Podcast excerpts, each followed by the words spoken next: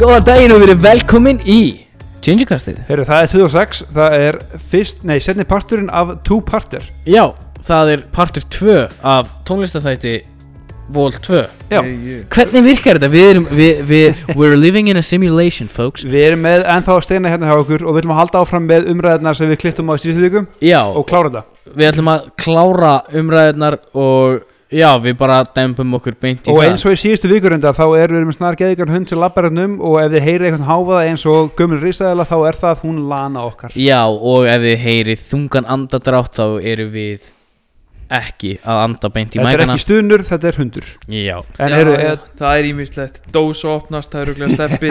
Ég, það er öruglega steppi ég já. tengist Botnsteppi. því ekkert. En stakkar, ekki bara dæma okkur í það. Dempum okkur í þetta Heyrðu, let's go.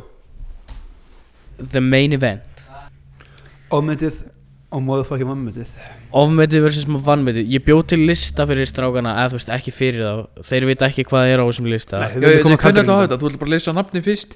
Við um að gefa okkar og gefum þú eða þitt hann kannski, nei, hann kannski le, húst, segir, segir nafnið og sínar raukvæslu fyrir því og síðan ákveði hvað þið sammálaði ekki. Nei, ég ætla að segja nafn og þið með segja mér út af því að þið þekki mig báðir næstu því betur en ég þekki mig sjálfan. Þú heldur að Hvort ég, Ú, hvort ég er ok, að halda ok, fram. ok. Ok, ok, ok, ok.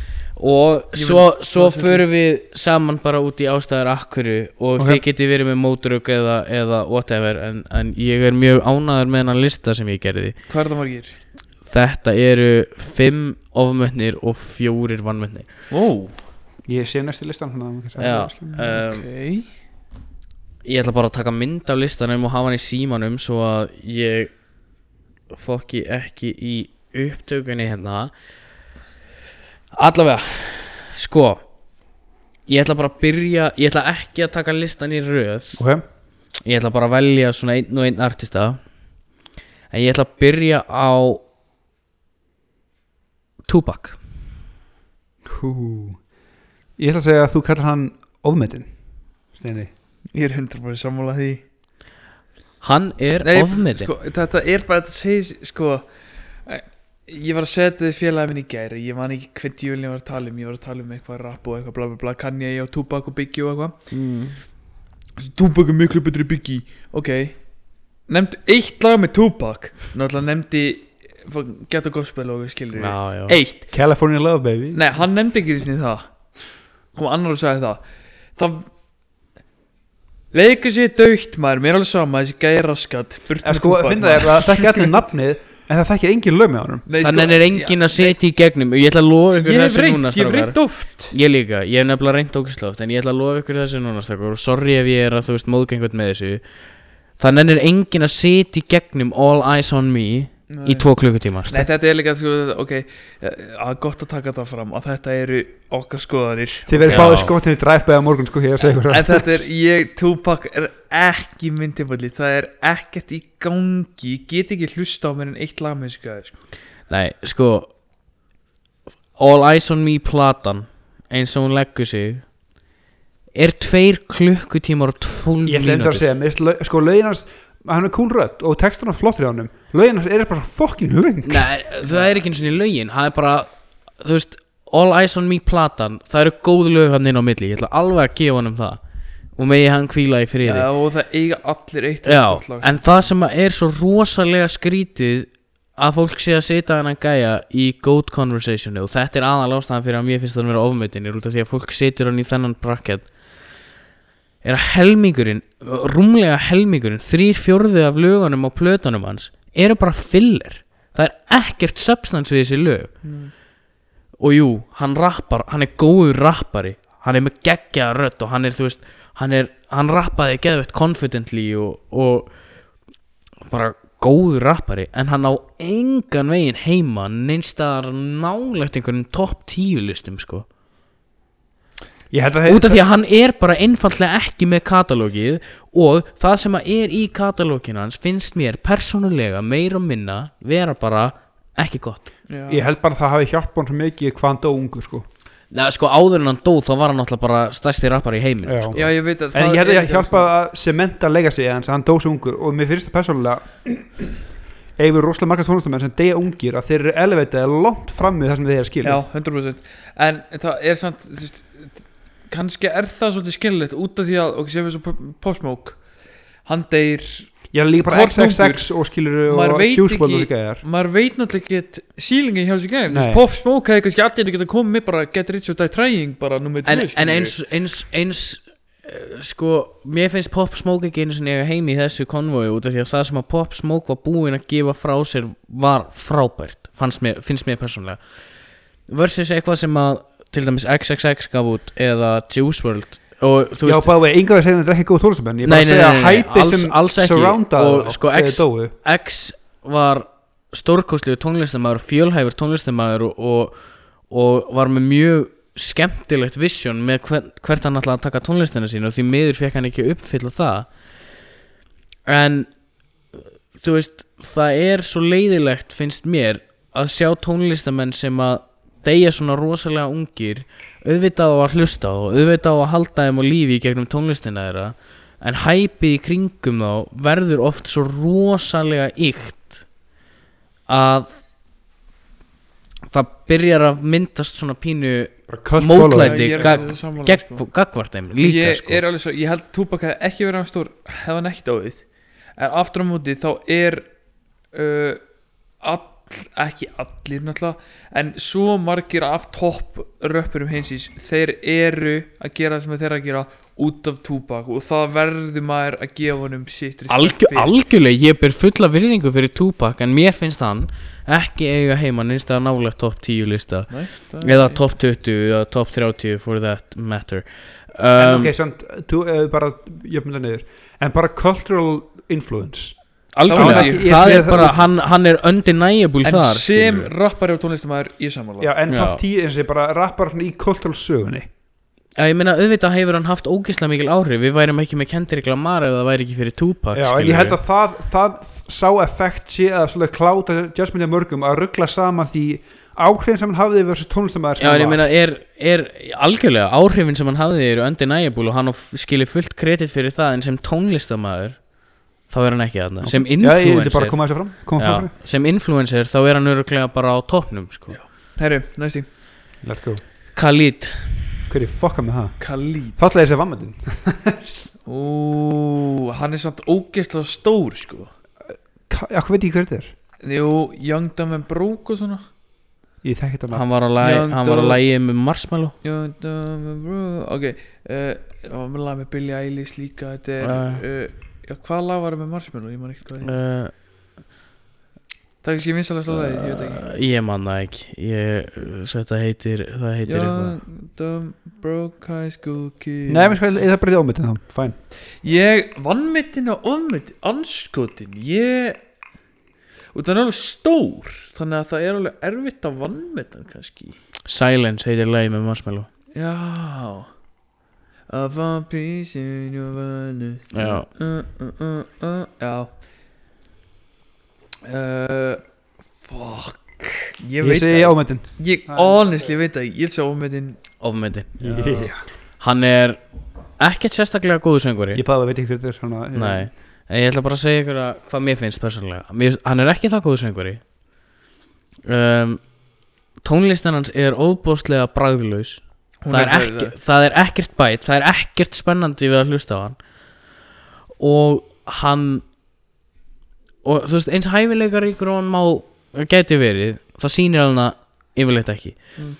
Og hæpið sem er í kringum hennan gæja Þú veist, hann er einn af top 20 Mest hlustuðu artistum á Spotify Bara consistently Hann er bara einn hann, er með tvö eða þrjú lög sem ég sá sem eru með yfir miljard hlustana á Spotify. Yfir B. Hvaða lög er það? Silence Young og einhver tvö Og- hvað hérna hann Hm. ég hlustaði á plötuna sem hann gaf frá sér Ó, uh, hvað heitur hann? Hann er með bláa cover American Teen. Já. Um, nei fyrir ekki jú, Young Dumb and Broke, Lovely með uh, veit ekki Lovely er Billie Eilish Já, ok já. og, Beau- og hérna, Young Dumb and Broke öll yfir B og Beautiful People er að nálgast B-ið 956 Beautiful miljónir People. uh, Beautiful People með Ed Ed Sheeran Sheeran. um, sko, þessi tónlist er sem að hann er að gera og það er kannski ekki honum að, eða þú veist, jú, hann er að gera þessa tónlist hann má, hann gæti verið ógislega hæfileikar ykkur gaur. En tónlistin sem hann er að gefa frá sér er ógeðslega leðileg, finnst mér persónulega. Og þetta er svo það, það, það er hægt að hlusta á eitt lag og ekki meir. Og ég hlustaði Ég, sko. hlustaði á American Teen plötuna með honum þegar hún kom út 2017 út af því að það var rosalega mikið hæp í kringum hennar gæja og ég bara fyrir mitt litla líf gat ekki skilið af hverju var hæp í kringum þessar plötu. Bara ég, ég fattaði það ekki. En næsti. Let's go. næsti artist sem ég ætla að tala um er Lil Wayne. Ilsa vannmættin Vanmetin vannmetinn ástæðan fyrir því að ég ætla að segja að Lil Wayne sé Það vannmetinn segir af hverju þér finnst þeim að vera vanmetin kottum með það Ok, það væri hægt að segja að fara út í þessi cheesy bars og eitthvað sem hann er með mm. Hann er alltaf kongurinn í svona punchlines og eitthvað svona Mm uh, cheesy dæmi En hann er búin að með litla influensið Jep, takk fyrir.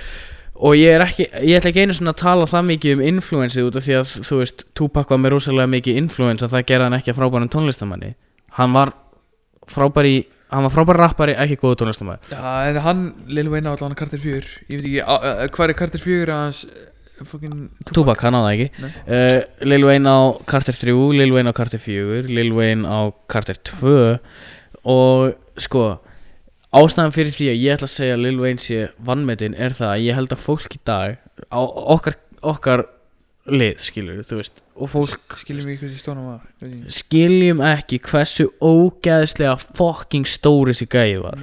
Og skiljum ekki hversu hversu góð tónlist þarf að vera fyrir þennan gæja eins útlítandi og hann var og eins controversial og hann var með sitti sem hann var að segja að ná hæðunum sem hann náði. Jep. og Lil Wayne á miklu, miklu, miklu meira erindi í einhvern topp 10 lista heldur en Tupac nokkru sinni bara upp á gæðina tónlist að gera sko. You heard it here first folks og það er mín skoðan Ég er ekki á svona sko. Nei, alls ekki heldur. En næsti artisti er sjálfgefin en ég vildi ekki fara út í hann strax en það er náttúrulega Eminem og við vitum öll af hverju mér finnst Eminem og Steppi er náttúrulega gíla vannmættin Steppi elskar hann. Já, ég- Besti rappar okkar samtíma Hann er flowið hans er undeniable. Hann hefur ekki gefið út góða plötu og valla gott lag síðan 2003 Ég, eitthvað, þetta er eða uppáhalds 2002 Þetta er uppáhalds irrational heiti mitt Það er að poti Steppi með Eminem. Við höfum átt svo langar Facebook umræður Já. Við höfum alveg átt sko klukkutíma langar samræður Sko þetta er eins og ég sagði í byrjunin þáttar í kringum byrjunin þáttar þegar meira sér hlust að tala sviftu með betur fyrst mér uh, Mozambique að Charlie mm. þegar meira sér hlust að Eminem þegar betur fyrst mér allra rappar ég get ekki, sko ekki bara það að allt þetta það sem að skilja ekki er að segja Mm. flóið tilkvæmslist hann er með eitthvað vesta Sko hann, hann hefur ekki valið gott beat í Sem er synd Því hann hætti Sko, að byrja næstum sem. Apprentice Dr. Dre Já. Vist, Hann byrja með Já. besta Hann hefur ekki, byrj, hann hefur ekki valið gott beat síðan Cleaning, Nei, in, cleaning og- Out My Closet sko það muna allir eftir rapgótt til dæmis Já, hefur þú hýrt verra beat heldur en rapgótt En ég held já, já ég hef heyrt verra beat heldur en rap gott Berserk á sömu fokkin plötunni? Berserk er Loki geggjalag. Það Ég er ætla að- ég ætla að verja það. er gott pepplag Það er hryllilegt fokkin lag Allavega. Sko, ég veit hversu influence, influential Eminem var. Ég að segja Ég held að hann sem er sama element og Tupac til leiti að hann var bara svo mikið stjarnar þegar hann kom fram fyrst fram. Og ég ætla aldrei Hver ímyndar hæpið að hann hefði verið en ha- ef hann hefði dáið þrjú, fjör ár í Veistu his career. Hvað? Ég ætla bara að gefa Eminem það. Hann er Hann er mest uh, best, best selling rap artist of all time Ok, hann má eiga það Hann er öruglega in, mest influential rappari of all time En tónlistin sem hann hefur gefið frá sér síðan 2002 er búinn að vera léleg ég ætla að koma með eitthvað mest controversial take of all time Ok, let's ef go þið eru viðkvæmur og er Eminem Eminem fans Eminem hei spóla tvær mínútur takk Ó, ok, hvað er með það? Hefði bara verið fyrir bestu hefði fokkin enginn verið inspired af Eminem. Honestly. Já, Það já, allir sem eru svona ógeðslega heavily inspired af Eminem þeir eru bara Eminem wannabe hálfvitar Fyrst, sko, ég, rappa eins, reynda flóa eins þessi hvítu gæjar ég ætla að verja einn gæja sem ég fíla. Mm. Vil gísk hver það? Er það? Token Nei, NF Jæks En FG átla í dag. Já, Já. með veit það ekki. Ég ætla ekki að Ó, sér ég æðislega ykkur- rappari En finnst tónlistan ekki leðileg okay. Hann á, Fair enough. Mér Ég- finnst Therapy Session mjög flóplata Sko Mér- Að því að, því, að sko, eitt aðalpunktur þegar við rauðgræðum með Eminem er að textan hans eru meaningless. Já, svo er náttúrulega það. En mér finnst NF, hann oft flotta sé, mér finnst hann oft gera flotta texta, skilur við Eh, Sko, það sem að mér finnst með Eminem líka þegar fyrstu við erum komnir alveg út í hann er að þegar hann er að gera lag og hann velur ömulega býta sitt og hann ákveður að flóa gett hratt yfir það og hann semur texta við það. Þá langar mig að geta fyrsta lagi heyrt hvað hann er að reyna að segja. Ef þú hefur ekki eitthvað að segja þú veist, þá kannski bara sleppir við að gera lagi Veistu hver, veistu hver hann gáði lag með í dag? Hver? NF gáði lag með Hobson Jæks, hann eru Ok, tveir þetta fór, þetta fór það Ok, þetta ég- Hobson, það. Hobson er líka svona Eminem influencer. Leið mér að klára það sem ég er að segja. Um, Ok, þú flóar hratt, velgert til hamingju, þú ert góður í því En mér er bara drullu sama þó að þú getur rímað Orange með Doorhinge sko. Ég nenni bara ekki að hlusta. Má- Þú veist, þetta er, þetta er ekki Þetta er ekki gott í eirun Nei, ég ætla bara að klára NF löfum mitt sem er grannlega endaði núna þegar Steini sagði þetta. En eins og hlustar á Therapy Session, bara lægið mm. eða Mansion, eða úst, Mm. Hann er ekki að tala um eitthvað sem skiptir kannski hann máli, það er aðeins meira meaning í textanum hans. Já, ég og það eru flott, mjög flott lögun að milli sko. M&M var náttúrulega svoleiðis þegar hann var að tala um persónulegt shit eins og eitulífineyslu og, og, og mömmu sín og allt þetta. Hann var búinn að recycla það í þrjár plötur sko. Þá var það orðið þreytt skilur og relapse er náttúrulega bara þú veist a man going insane life. Og recovery eins góð plata og mér fannst það árið 2010 og 2011 og Love the Way You Lie og Spacebound og allt þetta. Og hvað heitir það? Hana Anskoti Not Afraid, um ætlaði að dissa Lil Wayne. Já, já, Talking já. to myself eða ekki? Jú, Talking to myself. Það er, það er endar ein af, eitt af fáum MLM, MLM, lögum frá síðan 2003 sem ég get hlusta á sko. en ég held Um, að hann bara, hann lifi á cultural influensinu og þessu reistóra hæpi sem var í kringum Hann er náttúrulega með hardcore fanbase og ég virði það. Ég virði það að þú hlustir á M&M og fílir M&M Hann er ekki fyrir mig Tónlistina sem hann er að gefa út í dag og hefur gefið út í 19 ár. Það sem að pyrra mig mest við það Hvað M&M er ofmetinn Er það að það er alveg sama hvað hann gefur út margar lélegar plötur þá vill fólk alltaf hendunum í Goat Convoy. Já.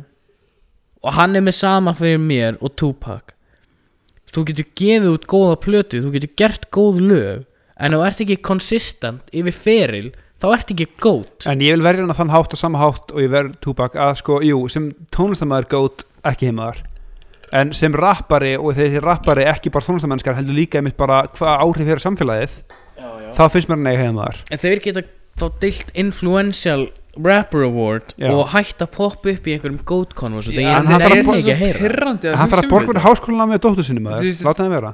Eminem Þú veist, það vita allir að hann getur flóað Mm. Það vita allir. Það vita allir að hann getur skrifa texta eins og motherfucker.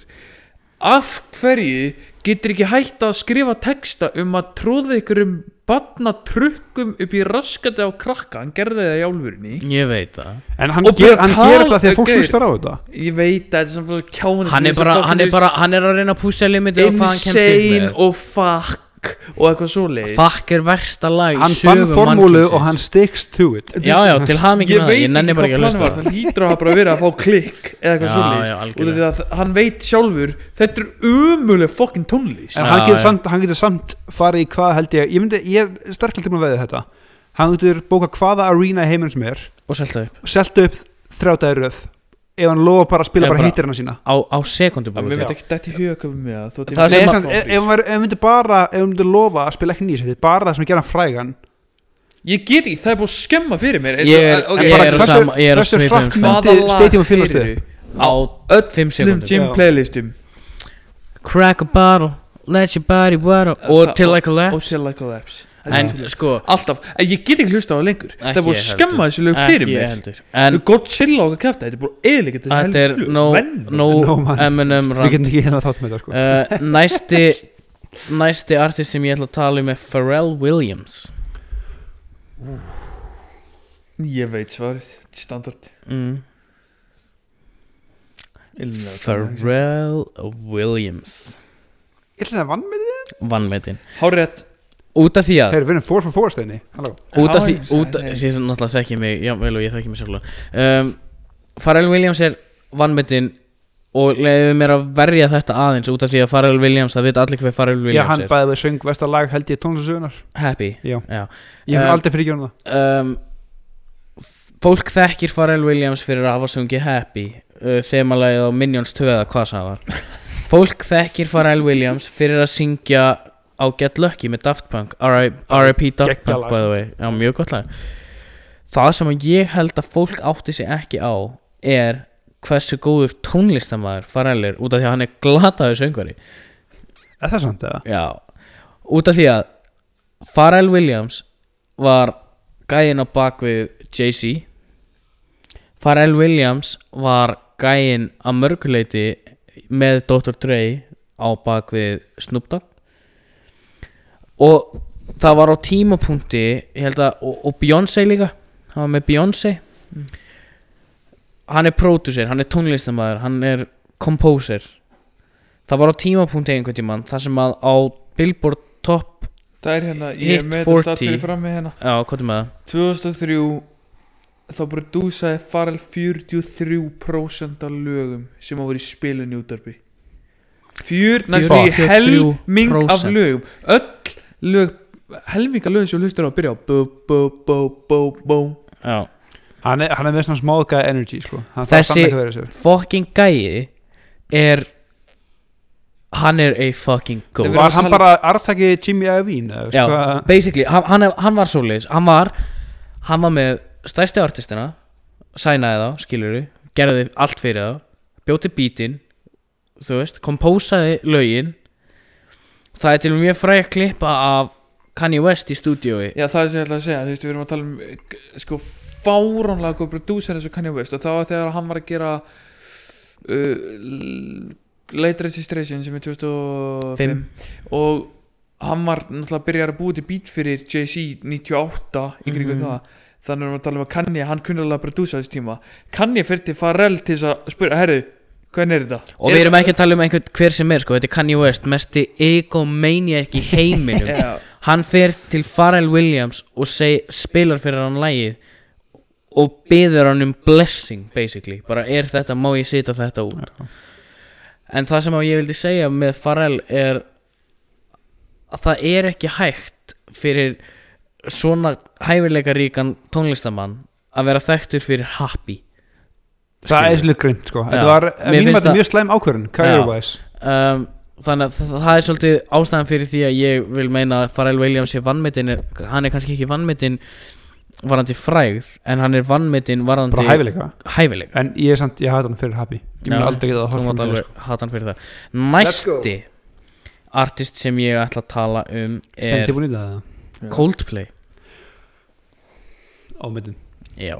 Fáránlega Ég ætla að segja eitt áður en að fólk verður reitt út í mig út af því ég veit að það er, það er fólk sem að hlustar á Coldplay sem að hlustar á Já, Ginger báði Castle. mamma mun hata eftir þetta Já, um, Coldplay eiga góðlög Þau er frábærlög Viva la Vida er geggjalag Yellow er geggjalag The Scientist er geggjalag Hvað eru þeir að pæla með tónlistina síðan þá? Fyrst, fastar Headful of Dreams ekki góð? Nei, Jálfurinni? nei Nei, nei, nei, nei, nei. Sko, Held ég upp á slæmið með þeim er þeirra plötu held ég. Sko, það sem að mér finnst um Coldplay er að þeir tóku rosalega vittlust að beigju Chris Martin er góður tónlistamæður Chris Martin er hæfileikar ykkur ja, söngvari sko, Ég held að allt bandið sem ég hafilega ríkt Já, Chris Martin er samt gæinn sem að ég horfi svolítið til þegar ég horfi á Coldplay sem kannski ekki óskiljanlegt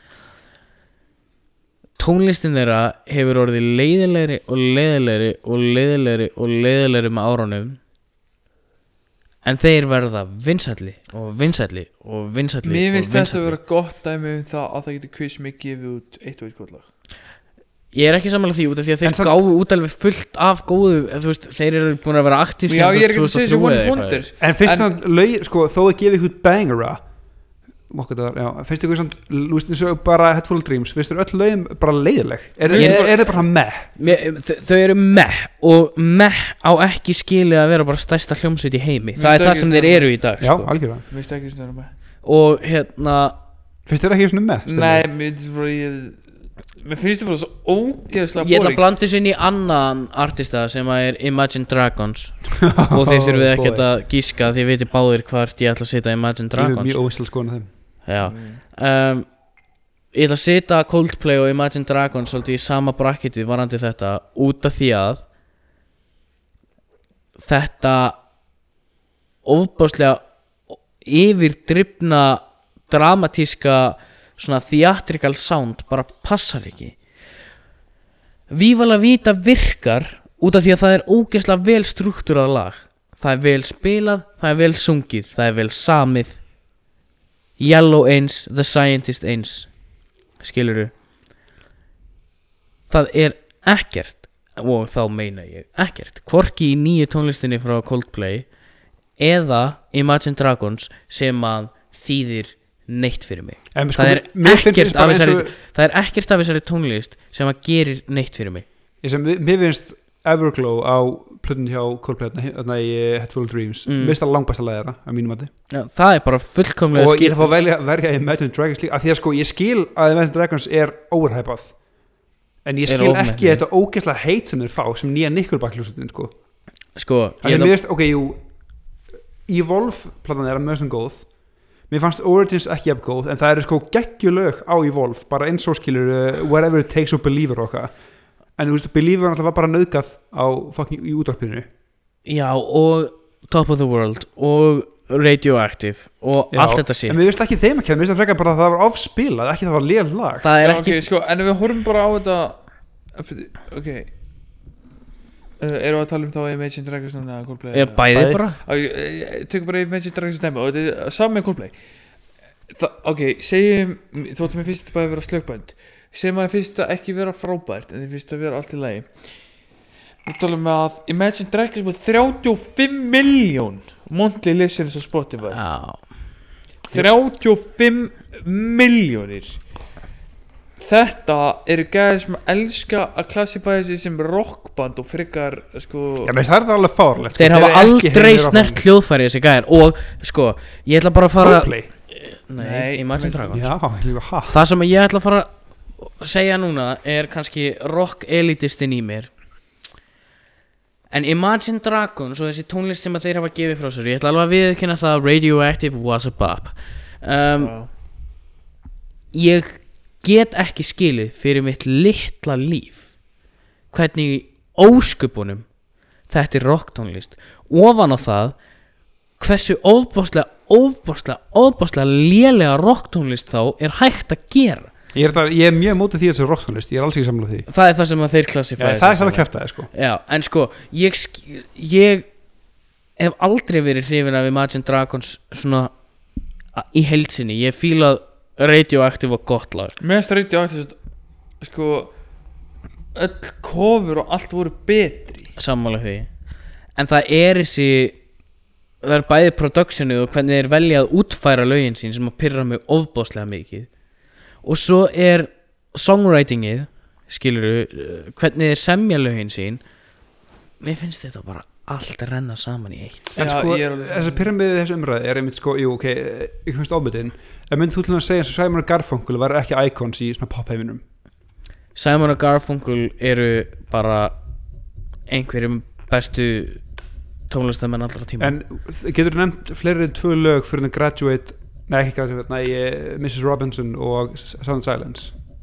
Ekkert off the top of my head sko. Nei, þú veist, það er svona pínu pointið mér skilur að, jú, þú veist, þið- eins og Coldplay og Mental Dragons, ég er ekki bæðið að bera saman, ég er ekki að ráðin geðu ykkur, sko. En þú veist, jú, þeir eiga einn og einn bangra en mér veist svona að það að taka það af þeim að þessi lélega hljómsveitir bara þegar þeir eiga eitt og eitt gott lag. Það er ekki það sem ég er að gera. Ég er að segja að þetta séu lélegar hljómsýttir út að ég þóli ekki tónlistina þeirra. Það er bara eina sem ég er að segja. Mér finnst Imagine Dragons Imagine Dragons meira heldur en Coldplay gefa bara frá sér pjúrli leiðilega tónlist. Út af því að það sem þeir eru að gera er svo mikið ekki neitt. Þú veist, þetta er ekki rock tónlist þetta er samt ekki alveg pop tónlist þetta fellur einhver staðan í miðjuna og þetta er svo óðbúslega bragðulaust og þetta er svo ég bara, mér finnst svo óðbúslega leiðilegt að hlusta á þetta og það að 35 miljón manns velji það að hlusta á fucking Imagine Dragons mánaðarlega. Ég, skal, ég, Það ég er verið á ofmetið. Ég meir ekki að segja þessi lél Ég segi ekki þessi frábærir En þeir eiga geggjulögnum milli. Mér langar að, ég, ég skal verja þá. Ég meina á meðan að bönd eins og Led Zeppelin er að fá 8 Nei, eh, Black Sabbath er að fá 8 miljón monthly listeners og Imagine Dragons er að uh, halin Já, 35 sko, Imagine Dragons líka aðeins meira svona commercialized. Já, já, algjörlega. En uh, commercialized eða ekki Skilur eins og við sagðum í byrjun þáttar Góð tónlist er góð tónlist. Og Imagine Dragons finnst mér persónlega Ekki vera góð tónlist. lag Og Coldplay ekki heldur um, Ég hætti hann ósámála, en fæn, let's go, næsta. Það var það var hérna bara til að loka þessari umræðu þá finnst mér meir og minna öll tónlist í þessum Coldplay Imagine Dragons bracketi bara vera leðileg þannig að það eru fleiri bönd sem að falla inn í þetta þá eiga þau líka heim á þessu lista. Um, The White Stripes. Veit ekki hvað það er, hann ætla að segja Marmötun Gríðarlega vannmyndin gríðarlega vanveitin The White Stripes er Seven Nation Army. Du, du, du, du, du, du, Já. du. og þetta er akkurat það sem ég vildi koma inn á. Og þarna, hanna, þetta er White Stripes fyrir öllum Hanna, punktur Já. búi. Já, nákvæmlega. Og þetta er svolítið að tengja inn í það sem við vorum að tala um. The White Stripes eiga risalag. Eitt lag sem allir þekkja sem er spilað á hverjum einasta sportsevent ever Já. True það er eitt af verri lögunu þeirra Já.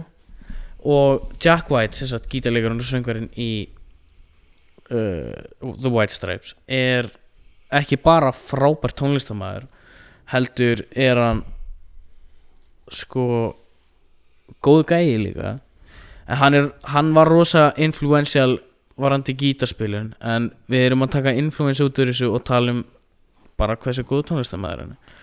Systir hans einhver hans á trommurum trommunum er alveg frá hún heitir Sheila White.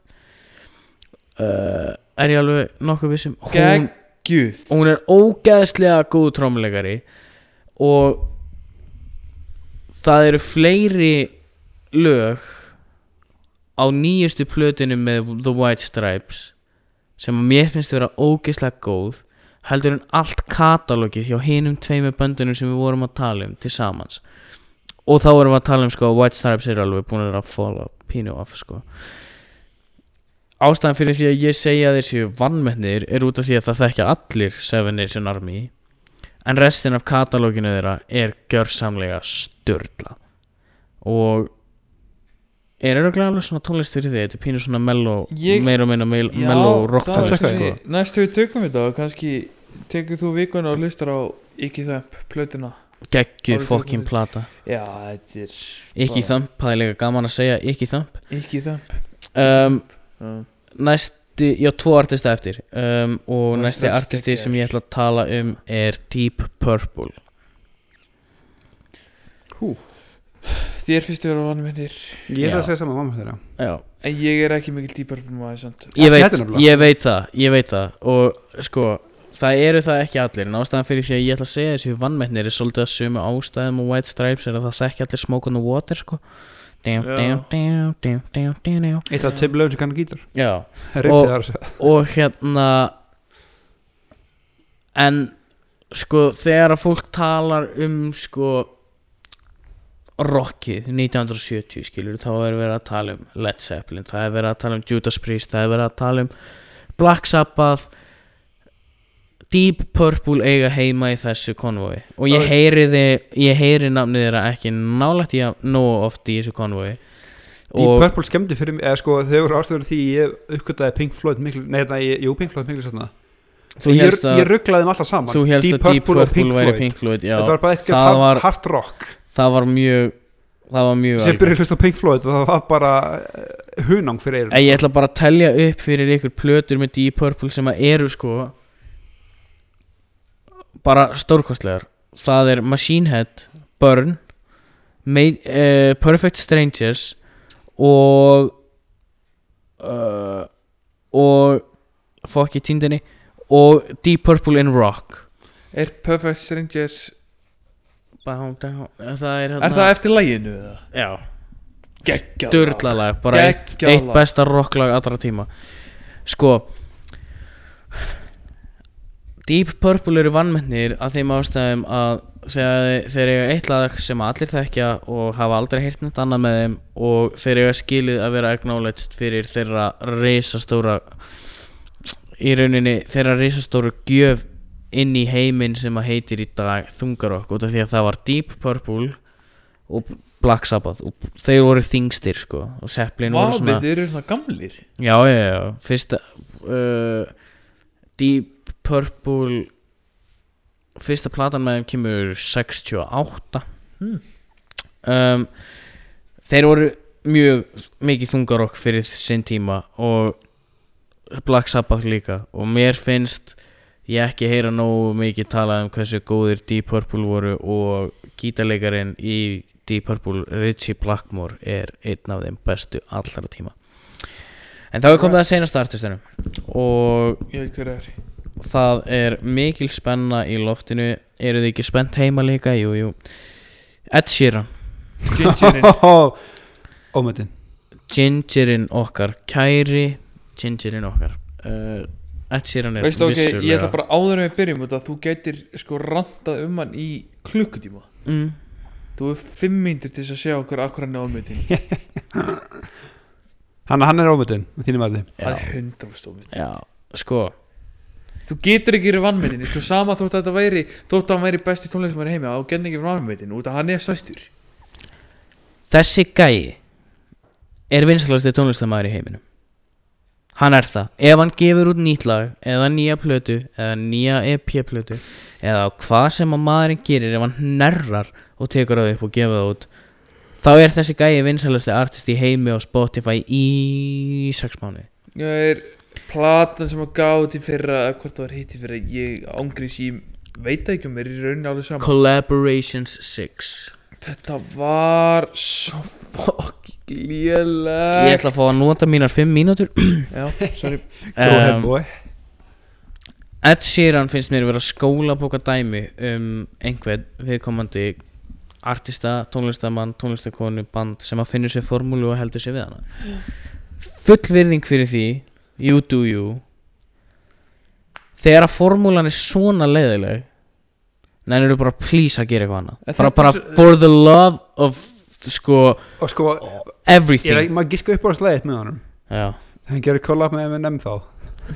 Já, einmitt. Hann hérna uh, hann á þetta rosalega vinsæla collab með Khalid sem við tölum um áðan sem er næst í með B á Spotify. Beautiful People. Já. Eitthvað leðalasta lag sem ég hef heyrt á yfinni Um, svo náttúrulega gera hann hann að lagi með Justin Bieber sem er líka álíka leðilegt Ekki tala um það maður. Ég hef verið óglætt að hugsa um það helvís lag uh, sko Ed Sheeran sem söngvari er ekki frábær. Hann er ekkert frábær söngvari bara eiginlega ekki neitt góður söngvari. Hann, Mér finnst hann bara solid söngari Hann er ekki lélugur sko, þú verður að átta þig á því hversu mikið engineering fyrir gegnum að búa til plötu með Ed Sheeran.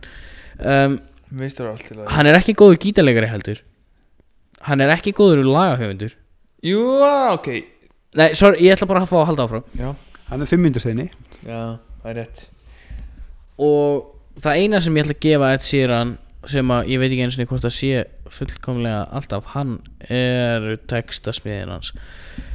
Ég veit hvað þú ætlar að segja með lagasmiðina er að hann hefur samið fullt af lögum fyrir annað fólk, aðra artista um, og seldau skilur sem er alveg respectable.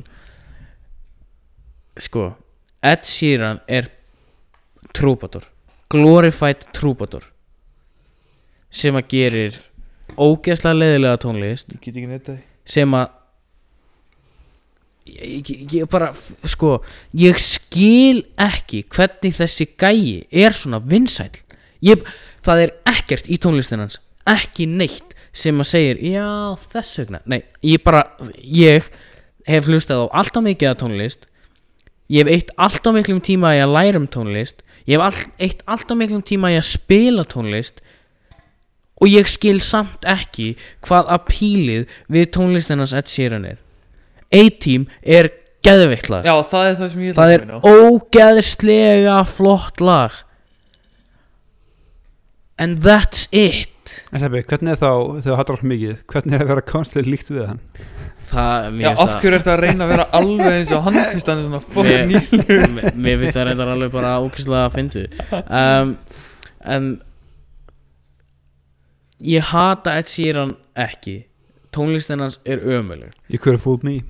Sko, ég hata engan. E Ertu við sem það? já, já, já, alveg 100% Ég hatur er, hata Taylor hat, Swift. hatur er rosalega stert orð. Já, ég við sammála. En- Ég hata Taylor Swift. Ó, ég elska hana. Ed Sheeran er tónlistamæður sem að ætti ekki að vera með meira heldur en million monthly listeners. Sko, Ok, ef þið hafið ef þið hafið, nei strákar. Ef þið hafið einhver tíman setið í gegnum plötu með Ed Sheeran hvort sem að það er hann að fyrsta platan með honum uh, hvað hva hétt hún Plus eða eitthvað. Já, svo er X og... svo er sinnum og Sinn deilt og sinn sigma og Sti- við differinn í þetta og Nei, þú veist, hann er með plus, mínus, deilt og sinnum, skilur og Það er algjör bara næst. Deilt, deilt má eiga það að það er versta platan hans versta, versta, versta soloplatan Divide eða hvað sem hann vildi kalla hana. Það er hann- það plata má eiga það. Sko, það er ekki sem encapsulator betur sem þú sagðir á hann og hann fann formúlu og held sér við hana með það að hann skýri allar plötuna sína eftir einhverju fucking starfræðimerki Daniel Mein, Já, stundum það minn Ed Sheeran hefur tekist eitthvað sem ég held að öllum tónlistamönnum dreymi um að geða Við erum rauðhörur Nei, ég held að öllum, þó að öllum tónlistamönnum vissulega dreymið um að vera það. Ed Sheeran er búinn að takast eitt sem að ég held að öllum tónlistamönnum í heiminum dreymir um að takast og öllum leikstjórum, leikurum öllum, fótboltamönnum, öllum uh, langar að geta gert og komist upp með er að gera the bare fucking minimum og fá samt nákvæmlega sama út úr því og þú hefði fengið ef þú Mm. hefði gert maximum effort. Meira með ég að segja. Já og ef, bara, þú veist, ef ég er að móka einhvern með þessu bara bú fucking who.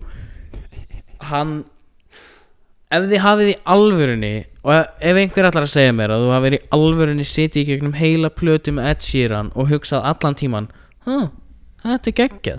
Þá ertu að ljúa Já, það, það virkar ekki svoleiðis á Íslandi það hlustar enginn á þætti. ég veit það. Það hlust allir á topp 5 lögin.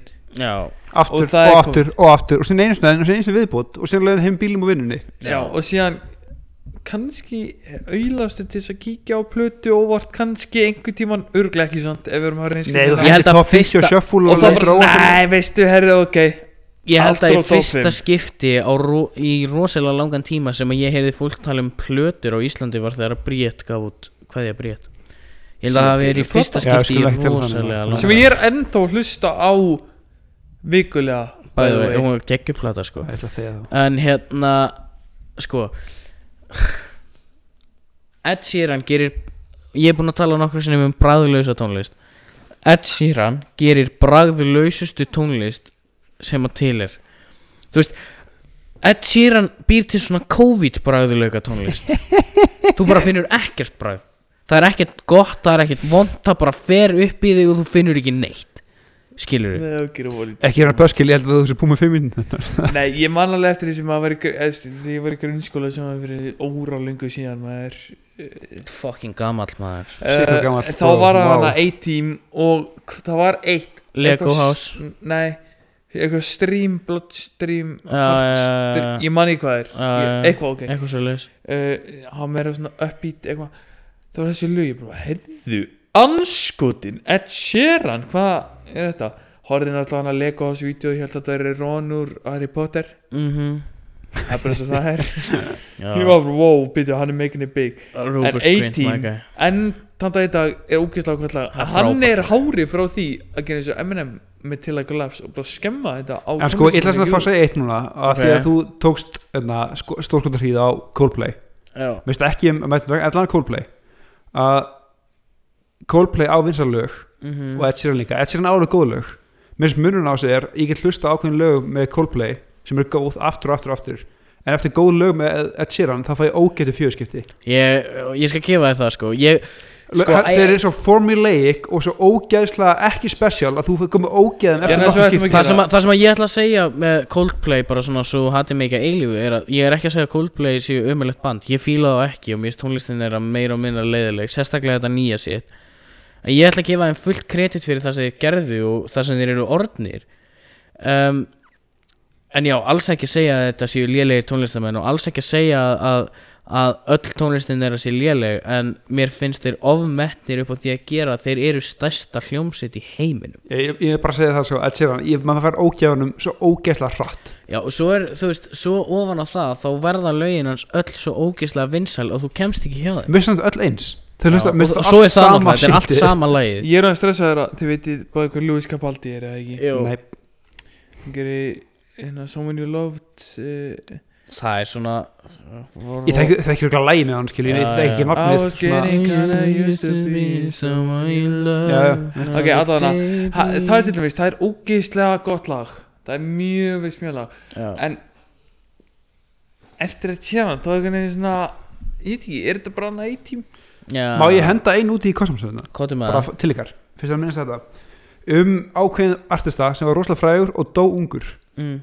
Avicii, hvað stannið þið?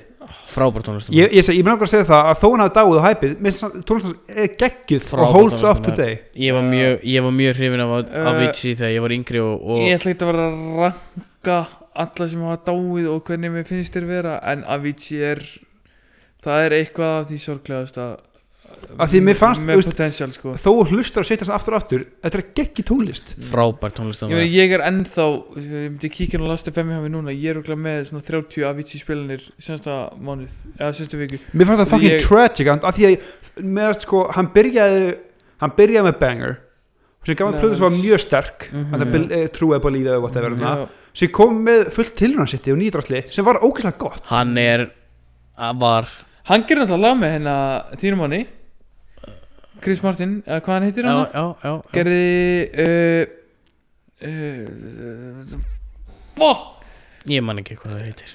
Waiting for Love Já, já, einmitt. Waiting for Love, það er upp á slæmi með honum og hæmi honum. Það er rosalega gott en hann gaf út fullt af svona, hvað er þetta singles, Já, sem voru svona tilhörnarstarfsemi Já. en voru geðvitt fucking góð lög. Já, þú veist, hann álíka bara eins og The Days of the Nights og Levels og eitthvað svona, svona dæmi að það, veit allir hvað lögutir eru? Og það, þú getur ekki annað en dillar vislu, þú getur það ekki, það er ekki hægt. Levels er Hvað, fucking er það, er það legend. svolítið lagið sem að koma um á mappið? Já, Já, er það ekki? Hey brother, kom hann rosalega hátt. Já, var ekki, var honum ekki levels var, meira, Já, sko. var levels ekki á undan veist, þeir sem voru að Held fylgjast með á YouTube og á internetinu Heyrðu, fucking wake me up.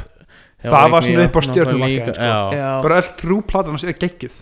Ég vil Avicii frábært tónlistamæður En svona Fyrst við erum að tala um formulaic Þá svona uh, Plötu fyrir plötu Varðan svolítið mér fannst En út af því að samt- allt sem hann gerði á milli var svo óbáslega út úr kassanum og þá náttúrulega, sko, Avicii stórkostlegu tónlistamæður og það er fullt af tónlistamennum í heiminum sem eru frábæri tónlistamenn og, og, og við náttúrulega höfum ekki tíma til að tala um það alla en ástæðan fyrir því kannski að við ákvaðum að taka pínu svona um, þetta section ofmennir vannmennir er að mér fannst sérstaklega í senasta þætti þá vorum við rosalega mikið að tala um hvað við elskum tónlist og, og hvað af henni við fílum og svona meira það svona meira positíft sko. Að geta búið að geta talað um eitthvað sem við fílum ekki er náttúrulega líka alveg frábært. En sko ég ætla að fá að einu sinni enn verja Coldplay og Imagine Dragons teikið mitt út frá bara með því að segja þetta. Ég sko með Coldplay ég efast mjög mikið um hæfileikana sem að búa við Imagine Dragons. En ég sko tónlistin er ekki fyrir mig. Þannig að ég skil ekki hvernig þeir geta verið stærsta hljómsveit í heiminum. Hins vegar er miklu meira substance í tónlistinni frá Coldplay heldur en hjá Imagine Dragons. Já, ég sammála því. Skilur þannig að þeir mega eiga það. En uh, Ed Sheeran er sko, ég ætla að vera að segja Ed Sheeran er bara ekki góður tónlistamæður hot take. Já, ég veit ekki hvað mikið tónlistileg satt já eða nei sko, hann ég ætla bara að þegja. Steini, taktu við. Sko, hann gerir ekkert. Nei, ok, ég skil áttu við. Spes. Og þetta er svo, ok, senasta plata sem hann gerði hann að collaboration platan. Það er eitthvað leðalastu, sko 30 myndir á whatever sem ég hef sitt í gegnum.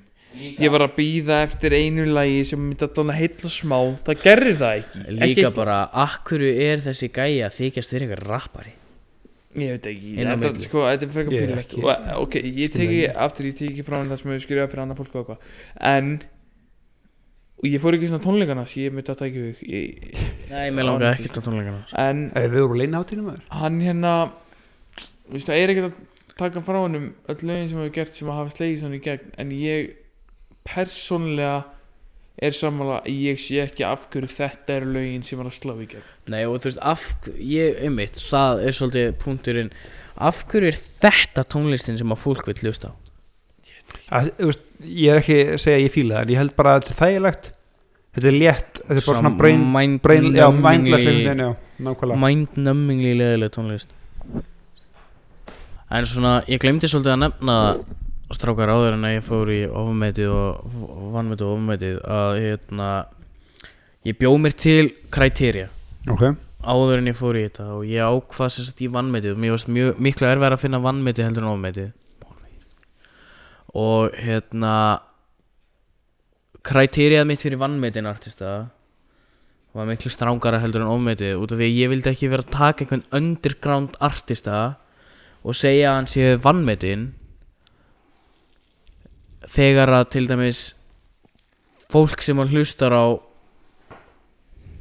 ef við tökum bara Madlib til dæmis eða MF Doom skilur já, eða eða fucking The Lumineers eða whatever the fuck.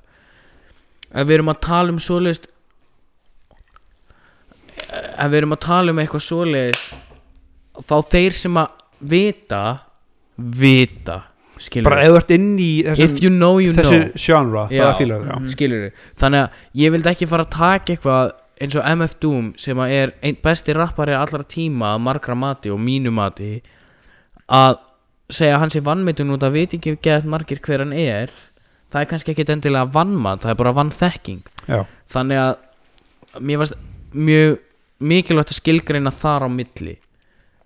Í ofmetið þá basically reyndi ég bara að finna risastóra artista sem að mér finnst ekki Sem hafa ekki náð hafa ekki náð svolítið uh, ekki náð sömu hæðum tónlistarlega og þeir hafa gert vinsaldarlega séð. en herri, við fengum lista frá góðvinn þáttarins já, sem var sko the catalyst fyrir þennan þátt. Algjörlega og hérna það er herra Sigurður Kalman Ótsson já, ég fekk og, loks leiði til að segja nafna hans í þáttunum þannig að já, takk hérlega fyrir að leiða okkur það og takk fyrir að senda okkur hérna lista og takk fyrir að ít okkur í þetta.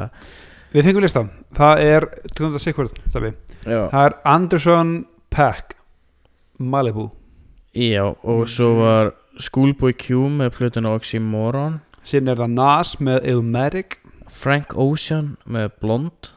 Chance the Rapper með plötuna Acid Rap. Og JPEG Mafia með plötuna Veteran. Nú ætla ég að segja eitt, maður byrja þetta já, að ég gaf öllum plötunum reyndar, ég glemdi einhverjum ástæða Frank Ocean. Allar hinnar hlustaði ég á. Mm, og að því að ég var bara að hlusta ykkar nokkuð sinnskilur og var tímaþröng þá basically bara notaði ég það að ég hlustaði fyrstu 2-3 lögin. Mm, eða ég fíla ekki fyrstu 20-30 sekundunar skipaði ég. Já, og gaf fyrstu lögun sens eða ég fíla ekki þá DF plötuna. Já, eina platan sem ég hlustaði heldina var Oxymoron já. með Schoolboy Q. Hún kom Ok. mér mjög skemmtilega á vort fair enough. Ég hérna en bæði Malibu og einmitt Acid Rap ég byrjaði bara að þetta er ekki fyrir mig. Já, Nas var svona plata sem ég geta hlusta á eða var að keira mér lengi. Já, og Veteran JPEG Mafia var bara of fucking weird fyrir mig. Já. Það var, kannski eftir Charlie og Death Grips þá er þetta ekki beint já, að þetta var að svona hoppa ekki, í ég var ekki alveg í mindsetinu fyrir uh, þegar þú sendir mér hann lista og, og hérna ég var að lesa yfir hann þá bara vá ok, ég hef hlustað extensively á allar þessar plötur. Þú með, þú með NASA ekki upp í, í vínir Jú, ég á, ég á Ilmatic með Nas á vínil það er einn besta rap plata allra tíma. Hver hvað er hann að Steini eh, þú sagði með Peggy Veteran Veteran. Sko, Ég- All My Heroes Are Cornballs er alveg betri plata sko já ég meira þetta sko. Já.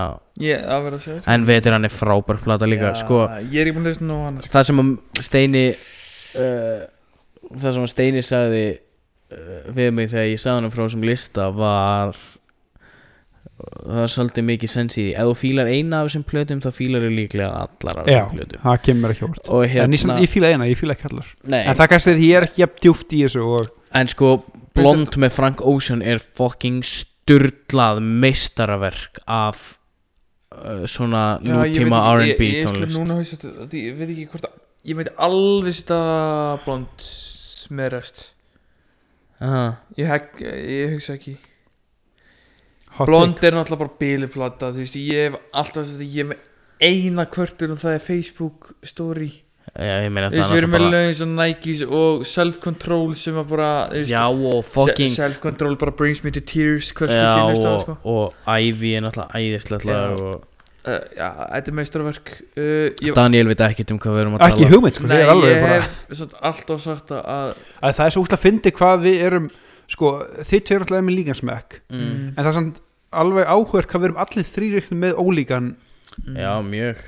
Við svona Þegar við erum einir í bílnum þá erum við aldrei að hlusta á það sama sko. Nei, ég skal lofa því, það er Ég ekki ætla að segja hérna Blond Ég að setja þessi nýja og mér veist uh, Channel Onis vera líka. Já, Ég elska það. Ég held sko að fyrstu þrjú lögin á Blond Nike's Ivy og Pink and White mm. Þetta er einhver sterkasta byrjun á plötu bara sem hefur komið Já, bara seinustu, þegar ég á horfði- seinustu ég- 20 árum. Ég veit ekki hvort ég sé eini sem gerir Ég horfi á Ég hugsa oft um svona þryggja laga runs á plötum. Hvað er besta þryggja laga run allra tíma og svona. Mm Þetta er stert þetta, er, þetta er up there. Sko bíl. það eru tvö Það eru tvö þryggjalaga run á þessari plötu sem eru styrlu Það er Nike's Ivy og Pink and White. Mm. Svo er um, White Ferrari, Siegfried og Godspeed. Já. Og Future of Fee ef þú vilt bæta því við líka. Mm. en uh, White Ferrari er uppbólslægi mitt með Frank Ocean. Já. um, Ég hef bara mjög hlust á hann ég, mæli, ég veit ekki hvort fí- þetta er svolítið vælið sko á Ég, tímapunktum ég er nefnilega ekki þar nei, ég en er þetta svolítið- Þú, er lítur að rosa hlusta á Lost og Frank Ocean Ég, ég veit hvað Frank, ég veit hvað það er sko. ég, Já, ég hef hlust á Lost já, þessu lög. En ég, veist, að það sem ég heirt á honum er ég ekkert eitthvað störlaði fan sko. um. Acid Rap með Chance the Rapper er hans besta besta tape um, Ten Day var mjög fínt líka Acid Rap er betra sko ég vorkenni Chance the Rapper svolítið mikið út af því að hann sagði I've met Kanye er- West, I'm never going to fail. Og svo við, feilaði hann. erum við að segja að sitra frekar heldur en Coloring Book til dæmis? Ég held að Coloring Book og Acid Rap séu svolítið svipuðu lefilega Ég er hrifnari persónlega af Acid Rap. Um, Þetta er strong listi frá honum. Mjög góður listi og svona uh, Ég bjóst ekki við því til dæmis að ég myndi fá blond upp úr þessum lista eða, eða veteran með JPEG Mafia. Og JPEG Mafia er æðislegu tónlistamæður Hann er geggjaður pródusser og hann hefur gefið frá sér allavega tvær plötur sem eru gjörsamlega störtlaðar Já, ég er líka ekki mikla skoðun á Malibu nema þú veist að vita aldrei hvað lag þessu kom down er. Já, en, En- sko Malibu er svoleiðis plata að mér finnst vera hægt að setja Malibu og blond svolítið hlið við hlið þegar það kemur að svona R&B stíl. Já, ég, bara, ég er ekki búin að renna sko, Malibu ekki, nóg ekki, mikið, ekki stylistically þá er ég ekki að tala um hvernig tónlistin er þú veist uh, þetta er bæði R&B plötur og mjög nútímalegar en á mjög mismunandi hátt Mm. og uh, sko Malibu er besta platan hans Anderson Paak og er gjörsamlega frábær. Hann gaf út plötu sem heitir Ventura ekki löngu á eftir hvort það hafi verið árið eða tveimur á eftir um, sem var líka góð. En Schoolboy Q platan Oxymoron er ekki uppáhaldsplatan mín með Schoolboy Q. Ok. Hann á plötu sem heitir Blank Face LP og það er hans besta verk finnst mér persónulega. Við erum svona að tala það er aftur eins og kom dánu og svona Við erum að tala um Colored Greens. Mm. Við erum að tala um Man of the Year. Mm þessi, þessi plata komur ótrúlega skemmtilega óvart. Já, það er bjóst góð plata ekki- og þetta er bara vinsalögin sko. Þau eru öll, ég get ekki sett mikið út á hana. Oh oh. Luxury ég er svona ég hef aldrei hlustað á hann og ég spila, ég var, menn ég var að kera austur Já. og fóður gegnum alltaf plötuna skilur Þetta er svona hot og sér lendi, ég sé, sér lendi hessari og ég hlusta á alla bara óvart að leiðin ég bara, Já. já, herrið, fá hvernig búinn, ok.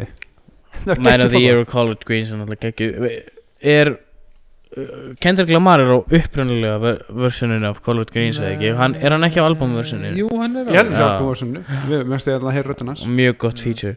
Um, Já, þetta eru allt finnst mér góðar plötur þannig að vel gert uh, Já. Kalmar. ég kannski að deila með þessu á gramminu Ég er rauninni Einu plöðin sem ég get gefið skoðun á er uh, Oxymoron og Blond og ég meina, Blond náttúrulega bara eins og ég sagði á að nýja mér veist, highlight á Oxymoron vera featureinn í rauninni þú veist, þú með J-Rock, þú með Rayquan, þú með Tyler þú með Kendrick Já. þú veist, En mér finnst- skilur Ég hef kannski hlustað Ég kannski fór svolítið meira niður þessa kaninu hólu heldur en þú. Um, með þú veist Anderson Paak og JPEG Mafia. Um, Já, bara eftir að koma í það. Og þú veist, þetta er þessi með Malibu, ég hef hlustað á plötuna En ég er ekki búin að hlusta á hana þannig Að ég ætla að fara að gefa ykkur sem hefur hlustað á hana mikið Skoðun á henni Eða eh, segja til um hvort að þetta Nei, nei, ég skil, ég skil, ég Þegar skil. ég er ekki búin að mynda mér mín einn skoðun á Æ, Ég ætla samt að segja sko, Ilmatic er náttúrulega, þú veist besta platan hann, finnst mér persónulega sko. en hérna uh, mér finnst gaman að hafi sagt að Schoolboy Q, um, Oxymoron hafi verið uppáhaldsplatan þín þannig út af því að hún er örgulega, mér finnst hún sísta platan hann og góð plata virkilega góð plata en samt af þessum öruglega síst finnst mér persónulega. Allavega um, þá langaði mig að spurja ykkur monsandi mínir. Ég er búinn að fá að ranta svolítið um tónlist sem að mér finnst ofmyndin eða, eða, eða artisti sem að ég er ekkert sérstaklega hrifin af. Er eitthvað svona hot take sem að þið eru með varðandi tónlist? Ég get ekki sagt það því ég er bara með svo ótrúlega blöndu af generic mm, og síðan bara svona mellow. Að því, jú, ég, ég, ég, fíl það ekkert. Ég fíla lög hjá Imagine Dragons og Coldplay en ég samt fíla ekki þetta FM bylgju level af popið sko. Ok. Og ef það er eitthvað overlap eins og bara gott af en believer mm, ég fíla það, á, þú veist, ég veist ekki að var í, í, í spil í útvarpinu, skil, hlusti í útvarp. Nei. En þú veist, annars er ég bara með svo ótrúlega veist, ég get hlusta á allt, mér er alveg sama. Ef þú fílar þetta, fæn, ég fíla ekki en mér er alveg sama, skilur Nei. og ég veit ekki nóg mikið um tónlist þegar ég sagt bara að þetta nei, okay. ok því ég er gjössamlega tónlistarheftur. Allt í lagi. En þú, Lil Bro? Það hefur miljón skoðanir sem að ja, Við getum bara farið út í það. Fólk er ekki sammála, þú veist, þetta er bara eitthvað svona kannski það sem að það hefur drulla mest yfir mig fyrir, þú veist. Ossi er ofmetinn. Skýtlileg rödd. Uh, Iron Maiden Hlandhljómsveit uh, ég veit ekki, það er nóg til sko.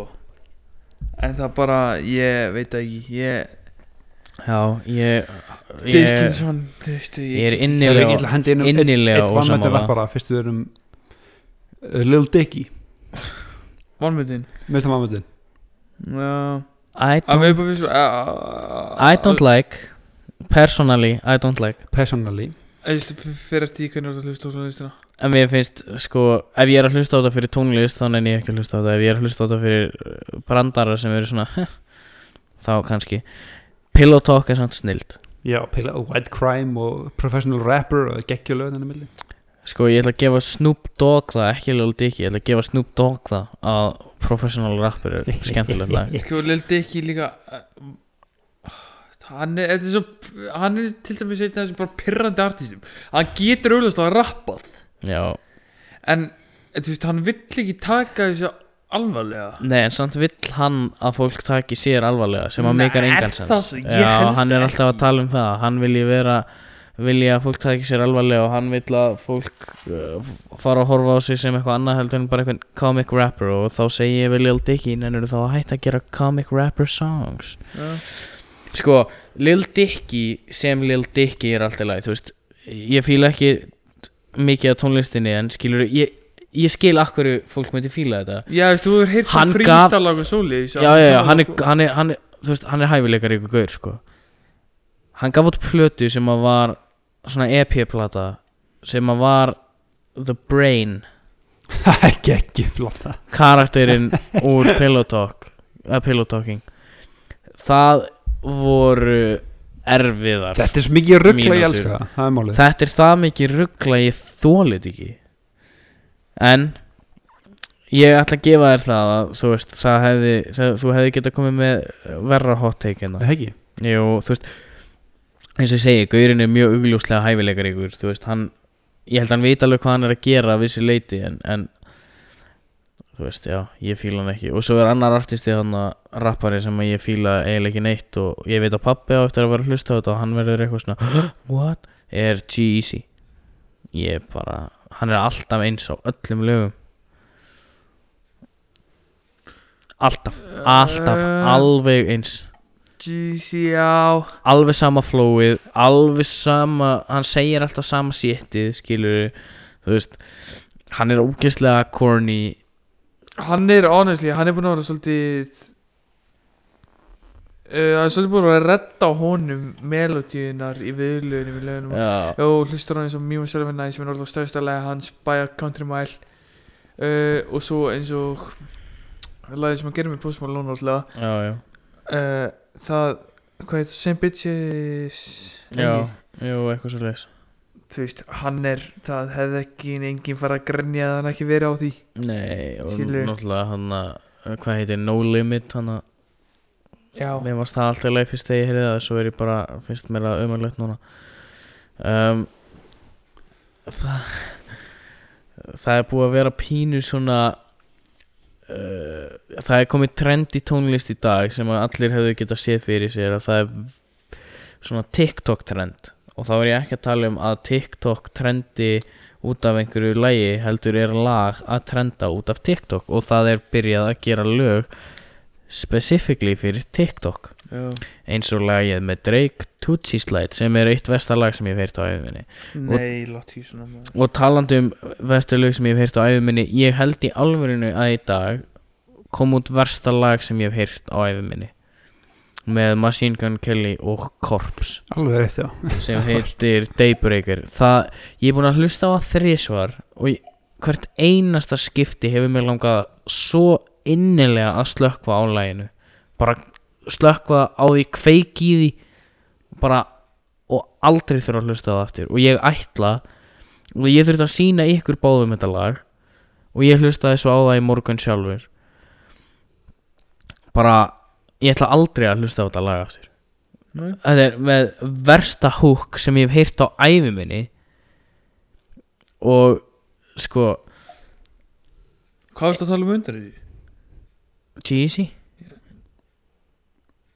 já.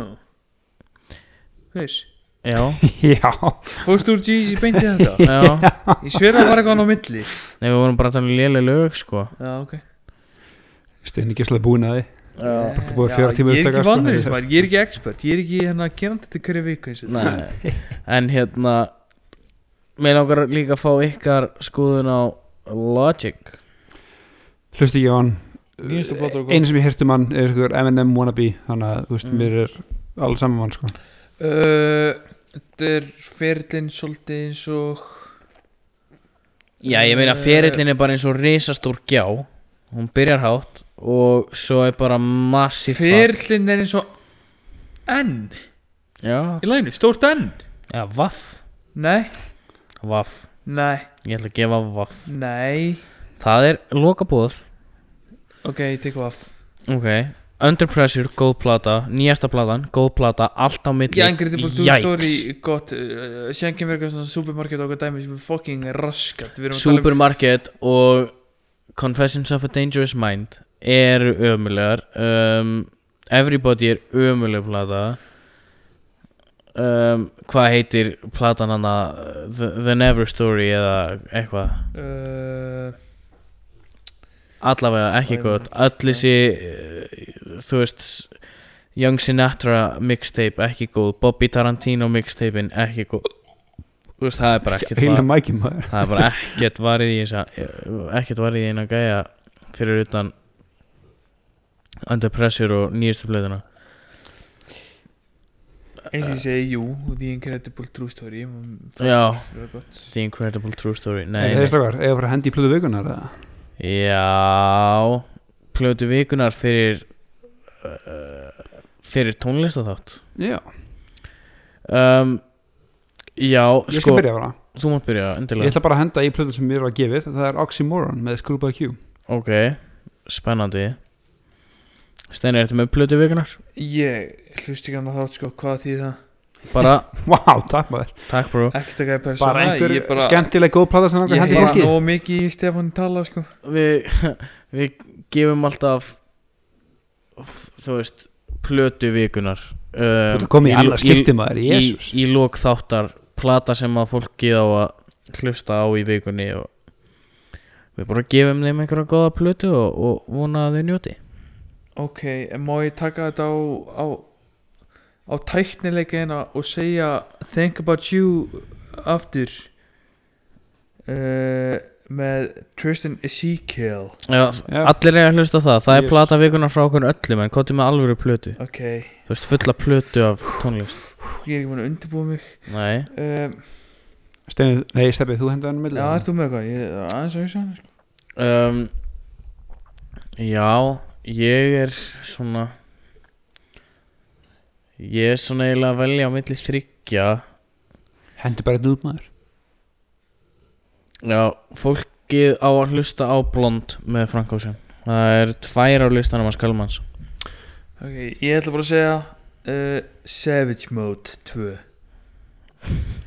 og það, ég byrð fólk innilega um að hlusta ekki á það sem Dark Side of the Moon nr. 2 heldur skemmtilega plötur en að njóta Savage Mode 2 með 21 Savage og Metro Boomin. En þá er þessum Þessum Já, Two parter túpart er lokið Og Já Við vonum bara einilega að hefði notið og, og takk Steini fyrir að koma og vera hérna Bara með heiður að hafa þið aftur maður. Við þurfum að þið bara sko. við hérna, við gerum þetta reglulegum hlut að, að tala shit um tónlist. Um, og já, bara þanga til í næstu viku Já, þá til raunveruleg Já, næstu viku. þakka ykkur kærlega fyrir að hlusta. Bara í frábæran dag